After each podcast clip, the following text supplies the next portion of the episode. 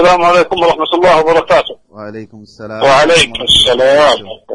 حياك والله شيخنا. كيف أنتم شيخنا الفاضل؟ طيب. الحمد لله كيف حالكم؟ نحمد الله إليكم شيخنا. الله يبارك فيكم الله يحفظكم. أبدأ في الكلام؟ تفضل آه، تفضل شيخنا الله يحفظك.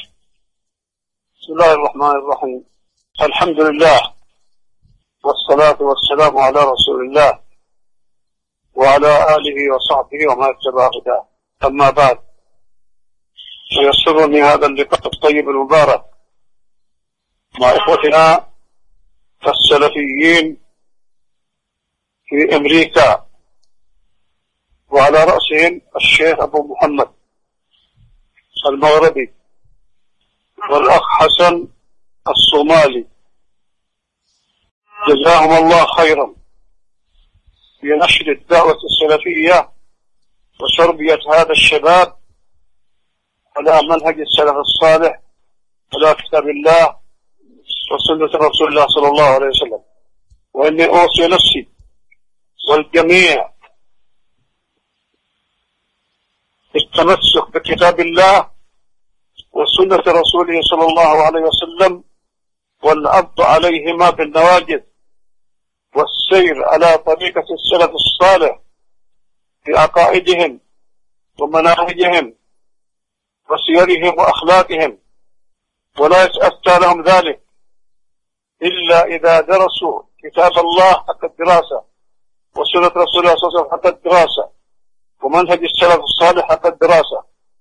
وصيم بالجد في طلب العلم لأن الإسلام يقوم على كتاب الله وسنة رسول الله ولا بد من فكر الفقه فيهما. ومن بالله في خيرا يفقهه في الدين. تدرسوا كتاب الله لتتفقهوا فيه وسنة رسول الله لتتفقهوا فيها. بارك الله فيكم. ولتطبيقها عقائديا ومنهجيا واخلاقيا وسياسيا واجتماعيا. أوصيكم بهذا. والله يقول واعتصموا بحبل الله جميعا ولا تفرقوا. واذكروا نعمة الله عليكم إذ كنتم أعداء فألف بين قلوبكم.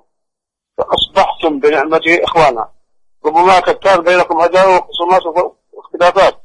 لكن الدعوة السلفية جماعتكم وألف الله بها بين قلوبكم. وهذه نعمة عظيمة جدا.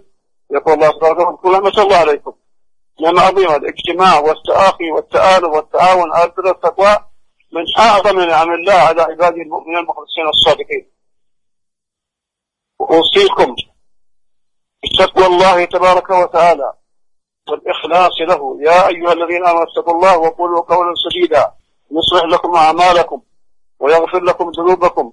ومن يطع الله ورسوله فقد فاز فوزا عظيما. اتقوا الله وقولوا قولا سديدا. القول السديد هو الصدق وتحري الحق. فنجمع بين تقوى الله تبارك وتعالى وبين الصدق في الأقوال والأعمال والأفعال. بارك الله فيكم. يكون الصادقين في كل أعمالنا وأقوالنا ودعوتنا إلى الله تبارك وتعالى. وأوصيكم بالإخلاص لله تبارك وتعالى. وما أمروا إلا ليعبدوا الله مخلصين له الدين. ونفاء ويقيم الصلاة ويؤتي الزكاة. وذلك دين القيمة والآيات كثيرة في هذا وأنتم تعرفونها. وأوصيكم بالتآخي في الله والتواد في الله والتواصل في الله والتحاب في الله عز وجل.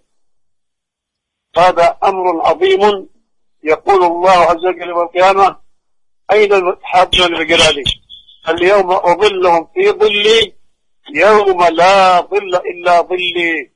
فهذه مرتبة عظيمة جدا يجب أن يحرص عليها المسلم ويحرص عليها السلفيون أشد الحرص على التآخي في الله والتحاب في الله والتواد في الله والسجاو في الله.